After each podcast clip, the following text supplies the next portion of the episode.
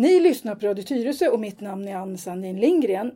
Nu har jag återigen tagit hit en väldigt bra person som har varit på den här radion förut, nämligen Lelle Viborg. Välkommen tillbaka! Tack så mycket!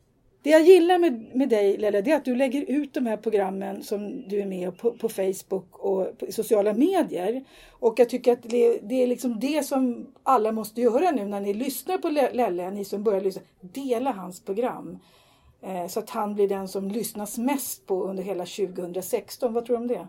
Det låter ju gott. Ja, ja det gör det. Tyresöborna har nu fått höra på dig i tre veckor när du berättade lite grann om kort om din uppväxt i Tyresö. Mm. Och du har ju fantastiska historier som du kan berätta om. Jag tror att det är så här att man samlar på sig de här guldkornen. Ja. Det som är roligt, det, det fastnar.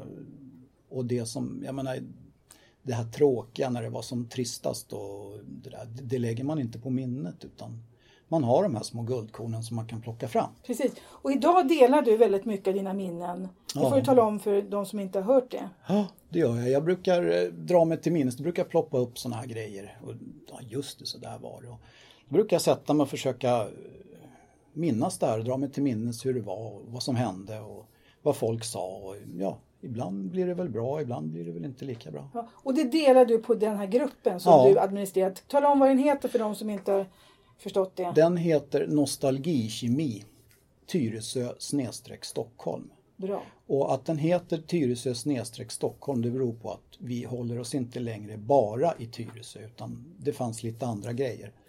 Eh, diskotek och eh, Enskede sportstuga och allt vad man nu gjorde för någonting. Och det, eftersom inte det ligger inne i Tyresö så, så la vi till Stockholm. Ja. Mm. Och du som kan det här med bilar, man rör sig ju med bilar runt omkring. Ja. Man åkte inte bara runt här i mm. Tyresö. Nej, det gjorde man inte. Nej. Utan det var mycket. För det måste jag också säga, det tog vi inte, pratade vi inte om. Det här med att åka runt i Tyresö. Ja. Tyresö byggdes ju på ett sånt sätt så att det inte gick att åka runt. Mm. När vi var unga så gick det inte att köra någon slinga i Tyresö. Nej, du menar ungefär som raggarrundan inne i stan. Ja. Man, jag tror till och med att man undvek det med flit.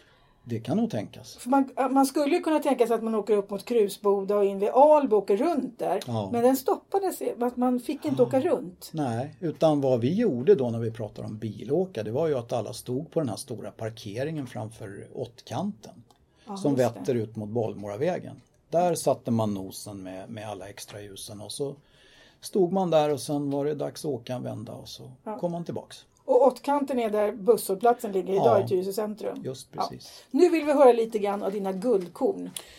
Mina guldkorn, ja då får man väl nästan dra sig tillbaka till uppväxtåren kanske. Mm. Ehm, jag växte upp då som vi pratade om förut. Jag kom till Tyresö när jag var 11 år och då flyttade vi till Korallvägen i Fårdala, har vi också sagt. Ehm, och där låg det ju tre stycken länger efter varann. Och där, eh, det var lite nybyggaranda, jag menar det var, det var inte anlagt med asfalt och sådana saker så att det var lite hillbilly-stuk där. Hela Tyresö var väl en enda ja. stor byggarbetsplats? Ja, det var det faktiskt. Och där hade vi då, ja det var väl jag och min brorsa, vi var väl inte Guds bästa barn och inte de näst bästa heller.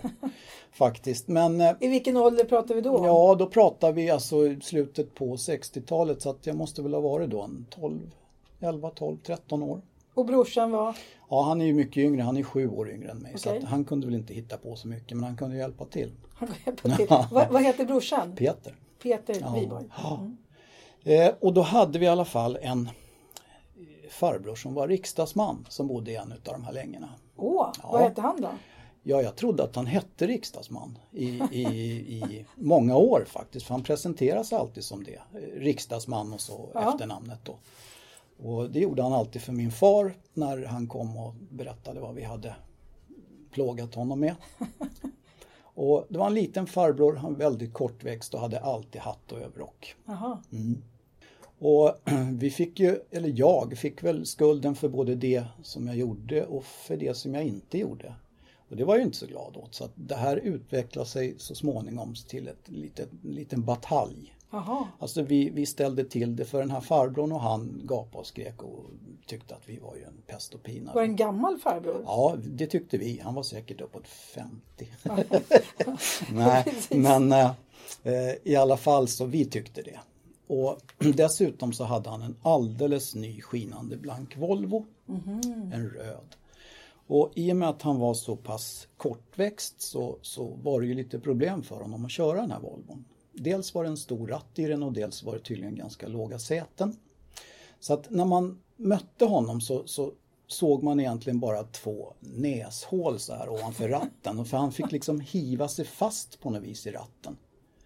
Och han var inte någon duktig bilförare. Inte dugg. För att han reglerade farten med kopplingen. Alltså bilen tjöt som en stucken gris och gled fram så här och så luktade det bränd koppling. och ja, i alla fall så hade vi såna här långa garagelängor. Jag tror de hette termogarage de där. Aha, det, det är okej. alltså man ställer ja, långa längor det Ja. också.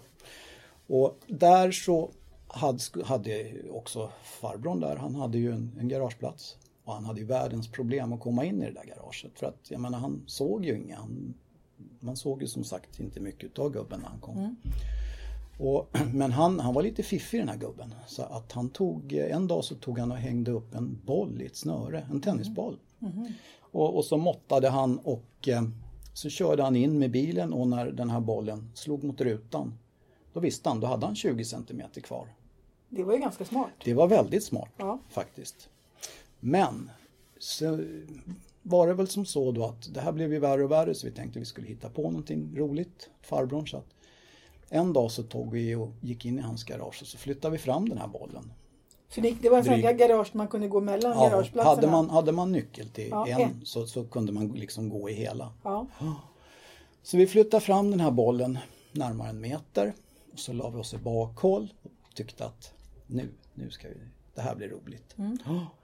Och så såg vi farbrorn kom, tjutande motor, näshålen bakom ratten och så öppnade han dörren. Och så åkte han in och det tog inte emot någon boll men han fattade liksom inte det där utan vi hörde bara ett vansinnigt brak. Så han for alltså med sin nya bil rakt genom väggen. Rakt igenom Rakt väggen. igenom väggen och ut på andra sidan. Och ehm, han greps väl förmodligen utav någon form av panik. Ja. Så att bilen stod liksom mot en, en bergskant på andra sidan och, och snurrade. Och, och, ja, och då var vi ju tvungna, då, då hade det gått lite överstyr tyckte ju till och med vi då. då. Ni, Det, ni skrattar inte då? vi skrattade inte ett dugg. Det blir lite småskraja? Ja, inte så lite heller. Nej. Så att eh, ja, vi fick ju skena hem till farsan och berätta som det var då. Och farsan sa att ja, gå upp på rummet så, så får vi se. Och det dröjde ju inte så många minuter innan det ringde på dörren och riksdagsman det och det dök upp. Och jag vet faktiskt inte, det var ju upprörda röster och det var ju mycket tissel och tassel och det var ju farsan gick till den här riksdagsmannen och det skrevs papper och grejer. Och jag, jag försökte få ur honom hur det här avlöpte men, men jag, jag är inte säker på hur han löste det här.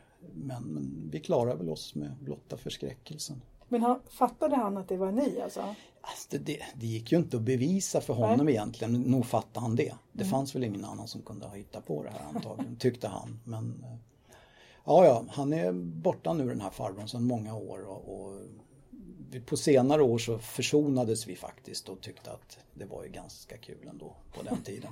Och han tyckte också att det var roligt? Ja, han tyckte faktiskt det. Fast eh, det tog nog några år innan han smälte det där. Ja. Så det var, ni var riktiga busungar? Ja, det var vi på den tiden. Ja. Riktiga. Och det här hade man ju lärt sig då utav, eller hade jag lärt mig utav uppväxten inne på Söder. För där var det lite hårdare tongångar. Och man var med äldre killar och sådär. Man gjorde liksom klassisk bus? Klassiskt bus gjorde man. Nu var ju det här lite överkant kanske för att det är inte meningen man ska förstöra saker. Men, men ja, så var det i alla fall. Men eh, det, det var en sån här rolig grej som... som Som jag- du aldrig kommer glömma? Nej. Och jag tror inte han gjorde det heller så länge han levde. Nej. Faktiskt. Och inte omgivningen heller. Ja. ja, men det var en pärla. Vad var vardagsbuset ja, då? men alltså det var ju det här klassiska att mura igen dörrar med snö och, och liksom spela hartsfiol och, och ja, såna här saker. Ändra lägen på plaststorkar och såna här saker som folk hade i trädgården. Och, Jaha. Stoppa ner huvudet i, i gräsmattan så storken stod åt fel håll och såna här grejer. Det var alltså man man förstörde ingenting Nej. men man ställde till en massa ändå. Ja, massa hysch. Ja, precis. Lite, ja, lite Anderssonskans Kalle. Vad tyckte han, vad tyckte han farsa då? Tyckte, var han... Ja, han, han, han var ju inte så imponerad emellanåt för han fick, ju, han fick ju rädda oss många gånger. Och faktum var att han gjorde det också. Sen kunde han ju säga när han, han hade liksom sagt att nej det kan inte vara mina grabbar. Då kunde han ju säga till oss att nu får ni passa er. Alltså, att nu, nu kan jag inte rädda er någon mer gång. Så att eh, nej, han, han räddade oss från mycket som vi gjorde. Men, men, var ni också busiga när ni gick i plugget då? Ansågs ni... Ja, vi ansågs väl inte som den lugnaste klassen men där var inte jag ensam när vi gick i plugget utan där var vi ett helt knippe och det var, vi hade en fruktansvärt bra sammanhållning. Du, vad hette din, din klass alltså, på, på? Ja, jag tror att den hette D som är David. Ja. Kommer du ihåg några trevliga klasskamrater? Ja, det gör jag. Jag gick i samma klass som Ingmar Dahl, eh, Benny Delin, Peter Bäckström. Tjej, tjejerna är ju lite svårare för att de springer omkring och gifter sig och byter Ja. namn och har sig. Ja. Ja, Du gick med 55orna? det gjorde jag. Just det. Så att, eh, nej men det, det var utmärkande tycker jag för den klass, klassen att eh, vi hade en väldigt bra sammanhållning. Det var aldrig någon som sprang liksom och brandade någon eller talade om att jag vet vem som har gjort det här. Utan nej, ingen hade sett något och ingen hade hört något. Vad hade ni för klassförståndare där i nian? Björn Stenström, Ja just det, det pratade jag, vad kul. Ja. han är tyvärr borta nu. ja, jag vet. Mm. Jag hade också honom.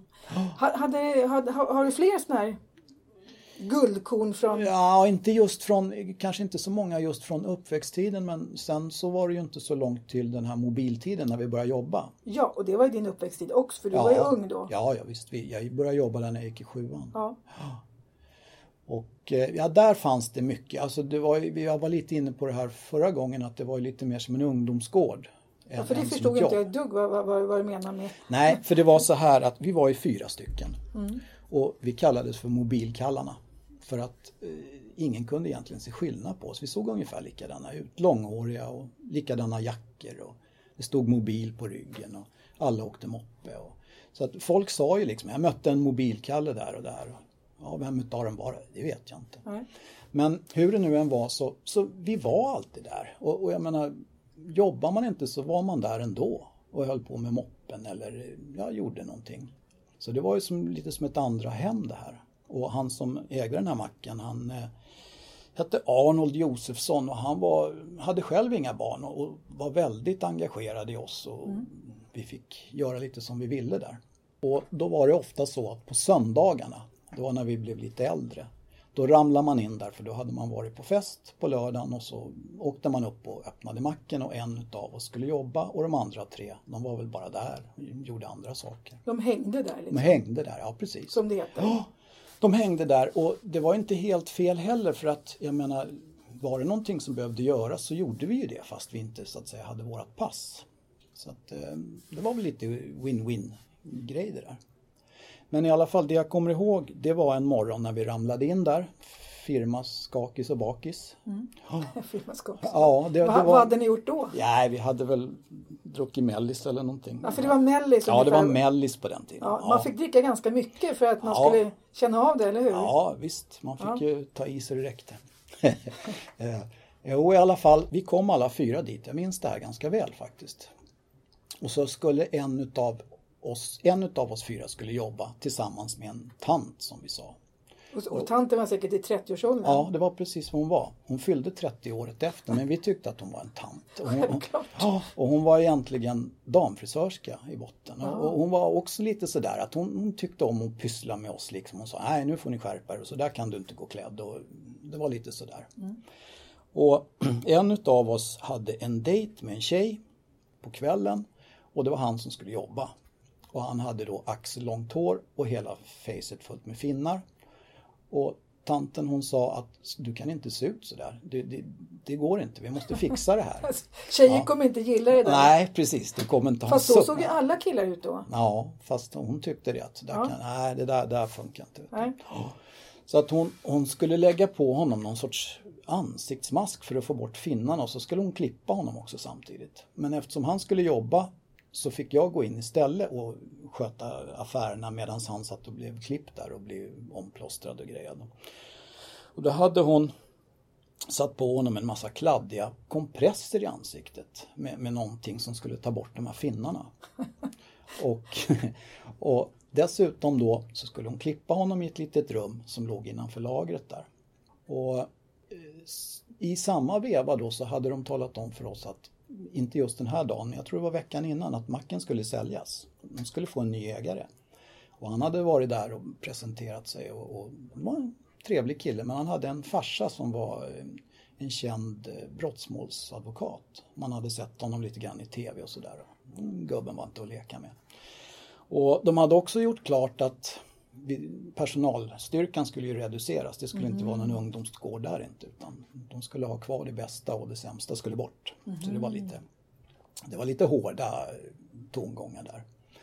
Och just den här söndagen så hade den här killen skickat ut sin far, brottsmålsadvokaten då, mm.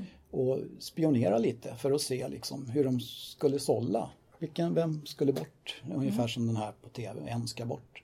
Men vi visste ju inte vem eller vilka. Skulle kolla vad ni gjorde också? Då? Ja, skulle kolla vad vi, hur det gick till när, när vi var där. Men ni kände igen honom? Ni visste hur han skulle se ut om han ja, skulle kliva in där? Ja, ja. det visste vi. Eh, och den här morgonen då som sagt så fick jag ju ställa mig i luckan där och i kiosken. Men då kom det precis då så kom det en dam och sa kan inte du kolla oljan i min bil?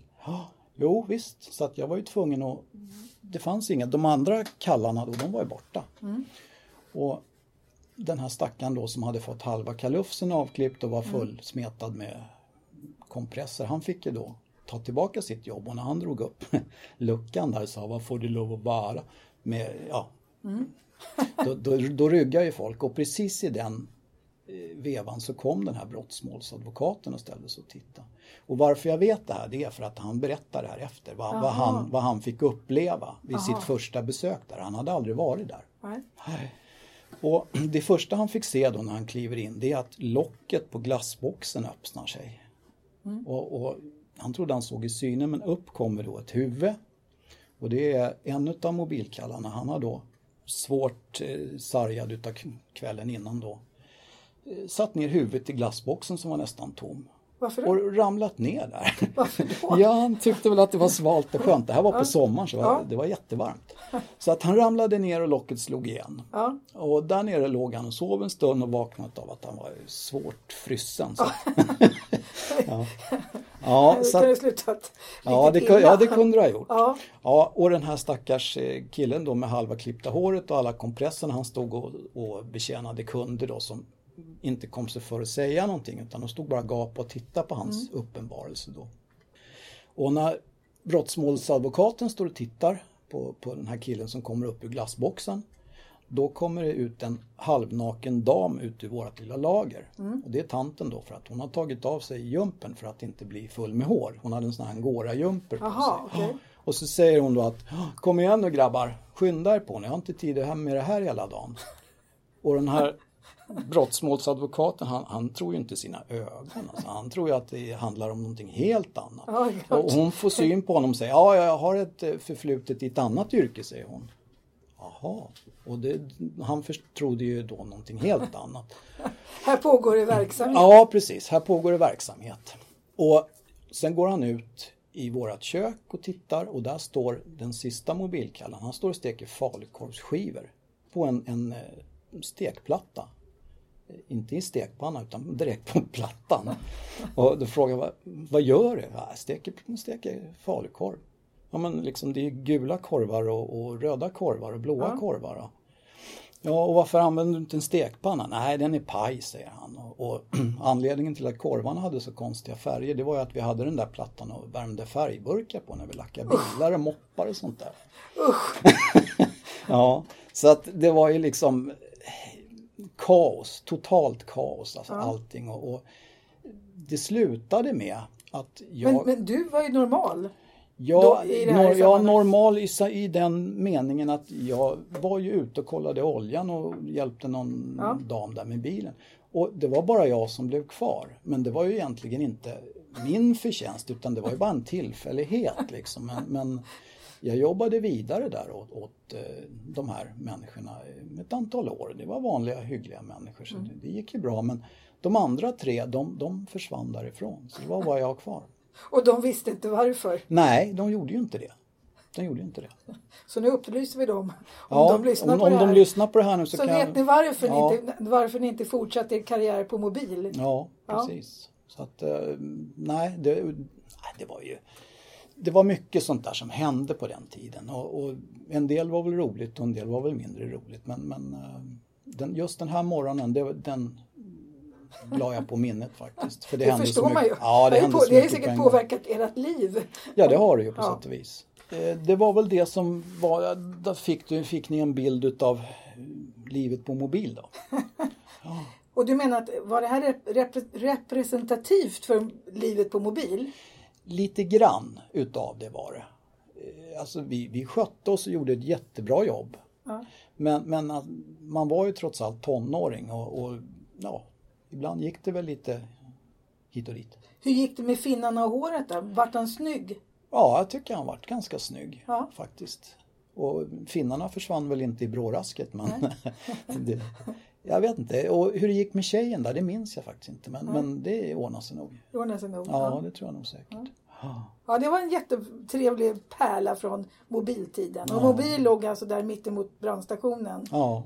Eh, Volvo ligger där nu. Volvo ligger där nu, mm. precis. Men sen halkar vi ju då, då in på taxitiden. Ja. Och där finns det ju då, det finns ju hur mycket som helst. Alltså jag kan, skulle kunna sitta här tre veckor och berätta. Men... Ja, för måste inte det när man är taxichaffis? Man måste ha sett allt ja, till slut. Ja, på gott och ont skulle på jag vilja säga. Ja. ja. faktiskt. Och det värsta, eller det dråpligaste jag tror jag har varit med om någon gång, då var jag ganska färsk och, och körde Stockholms taxi, men jag bodde här ute. Mm. Och då var det ju, man hade ju taxistationer på den tiden, alltså stolpar. Just det, hade man. Där, där man då tillbringade sin tid när det inte fanns någon körning. Och bland annat så stod det en sån stolpe på Ölandsgatan. Men du, finns det inga stolpar idag? Jo då, det finns en här i centrum bland annat. Ja, för då, Men... det, det, är motsvarande stolpar ja, eller? Det är det. Fast då var det ännu fler stolpar? Ja, det är det. Och så fanns det en telefon på varje stolpe då. Just det, för det fanns inga mobiltelefoner. Nej, just Nej. det. Där fanns det i alla fall en på Ölandsgatan.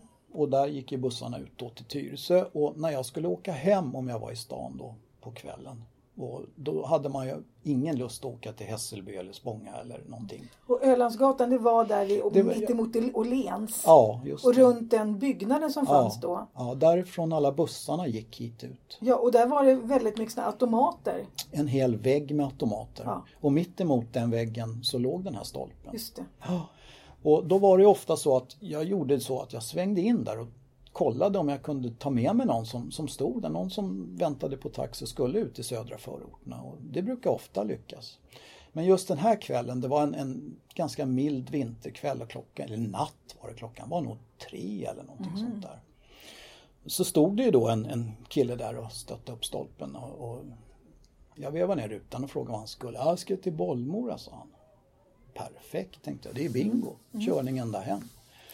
Så att han klev ju in och jag såg att han var ju duktigt påstruken men det är ju de flesta vid den där tiden. Så att, så att ja, på med blinkersen och ut på Götgatan och så säger han så här, vi ska hämta lilla gumman också. Mm. Jaha, vad har du gjort av lilla gumman då?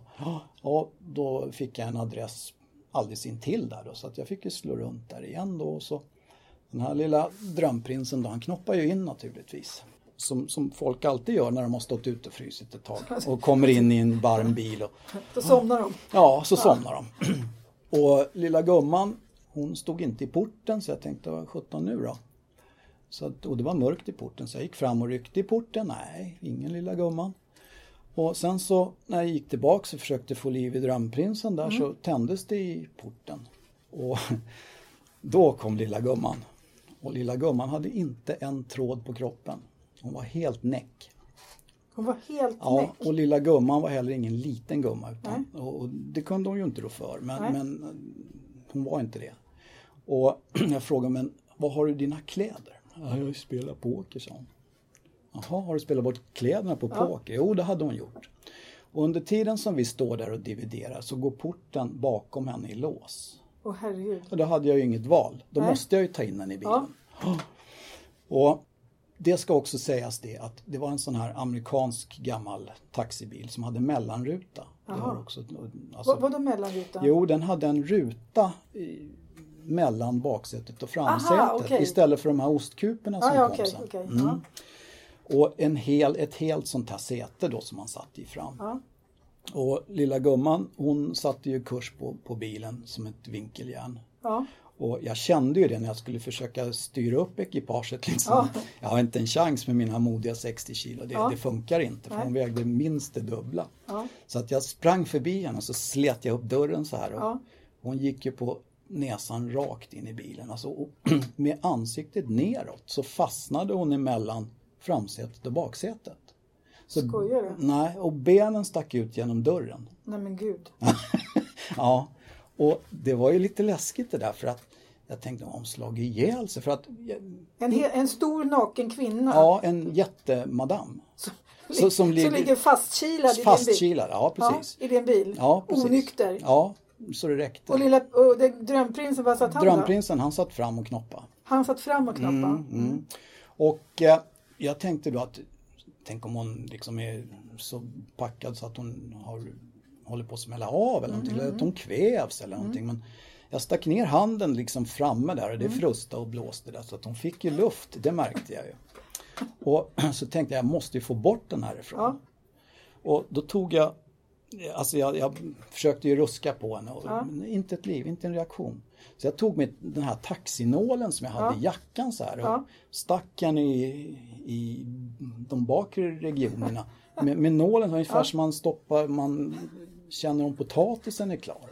Men inte, inte en reaktion. Så, och, det, och precis när jag håller på med det där, då kommer ju ordningsmakten farande. Mm. Kanske någon har ringt. Ja, pågår, kan, ja, pågår ett mord i taxin Ja, här. kanske. Ja. Men i alla fall så, det är det där vanliga, då, hur var det här då? Ja. Så jag var tvungen att berätta då att ja, den där lilla gumman och hon sitter fast och jag kan inte rubba henne och de mm. flinade ju och tyckte att ja, det, så kan det gå men vi ska hjälpa det sa de. Ja. Men det visade sig att två sådana här 90 kilos eh, konstaplar de kunde inte göra mer än vad jag, hon satt som berget. Det gick liksom inte att få bort henne. Och då säger ena snillet så här att du får väl köra hem henne då. Ja men så tror inte det blir lite kallt om fossingarna när vi kommer ut på motorvägen liksom när benen sticker ut. Ja det höll han väl med om då. då. Och, ja, vi höll på där och, och greja men det gick inte så att de, sa det att vi, får rekvirera någonting från brandkåren. Ja och det kom en, en bil och två brandkillar och de gjorde också muntra miner då och tyckte att det här ska vi nog ordna. Men inte heller de klarade av det. För hela, så, hela hennes huvud hade liksom kilats alltså, fast? Alltså på något sätt, så hela kropp, överkroppen och hela huvudet satt liksom fastkilat på något vis. Ja. Och, och, själv så märkte hon, hon hade nog inte ont av det där för hon Nej. sov ju som en gris. Ja. Och det slutade i alla fall med att de fick spela upp henne, alltså med block och talja och spännband. och, och och hon lossnade ungefär som man drar korken ur en flaska, liksom plopp sa det. Och det där tog mig, alltså det, det här var nog, tog nog två timmar säkert. Det, och drömprinsen, han har... Dröm, drömprinsen, han, han, han har jag ingenting. Han vaknade inte? Nej, han vaknade inte. Men, men, sen men vaknade var, inte hon då? Jo, hon vaknade då när, när hon kom loss och undrade ja. vad det var som hade hänt och så vidare. Men då tyckte brandkillarna att de skulle åka upp till, till SÖS då mm. för observation och sådär för att det var ju bra kallt. Och ja. menar, de, så att jag blev ju av med det där, de där såta paret där och fick åka hem och lägga mig och sova. Men, men det är en sån där grej liksom som man aldrig glömmer. Jag förstår. ja. Det var ingen vanlig historia. Nej, det var det inte. My, mycket, mycket konstigt vad, man, vad jag varit med om i taxi, ja. men det här tror jag nästan tog priset. Aha. Tänk om du hade haft en smartphone på den tiden och fotat det här. Ja, tänk För om jag hade haft det. Det är så folk gör idag. De mm. fotar allt. Ja visst. Nej, så det, det var en riktig grej faktiskt. Och, och, alltså det, det, låter ju som en påhittad dålig historia men, men det här det är faktiskt sant. Ja men det var jättebra. Och faktum är att nu har vår programtid tagit slut på nu de här tre, tre historierna. Nu igen? Ja, nu igen. Så Lelle, vi får fortsätta det här. Ja. Och sen tycker jag att det, du skulle kunna liksom också om du har foton i ämnet sen kan vi lägga ut det. Nu har du ingen foto på den här damen som tur är. Ja, det kanske ja, lika För det skulle nog Facebook ta bort. För det, mm. så fort det är kroppsdelar så försvinner ja. de bilderna. Det får man inte lägga ut. Nej. Nej. Men det, det här är bra historier. Ja, det är det. Mm. Det, det är såna här guldkorn som liksom man har samlat någonstans i någon hörna som man kan tänka på ibland. Jag tycker det ska bli en fortsättning på det här. Och dessutom har jag lurat hit Lelle till studion idag och lärt honom lite grann hur man gör radioprogram. Så nu mm. hoppas jag att det kommer fler radioprogram. För du känner massa trevliga människor som du också skulle kunna prata med. Så ja. ni som hör det här nu mm. och tänker jag har också bra historier som jag vill dra för Lelle. Kontakta honom. Mm. Och det behöver inte vara historier, det kan vara intressant berättelse. Ja. Det behöver inte vara någon knorr på det. Utan... Nej, det kan vara vad som helst. För den som växte upp i Tyresö ja. och vill berätta om motsvarande saker. Visst. Mm. Jättebra, ni har lyssnat på Radio Tyresö 91,4. Mitt namn är Ann Sandin Lindgren och jag har suttit och fått mig till livs massvis med trevliga historier av Lelle Viborg. Tack Lelle! Tack!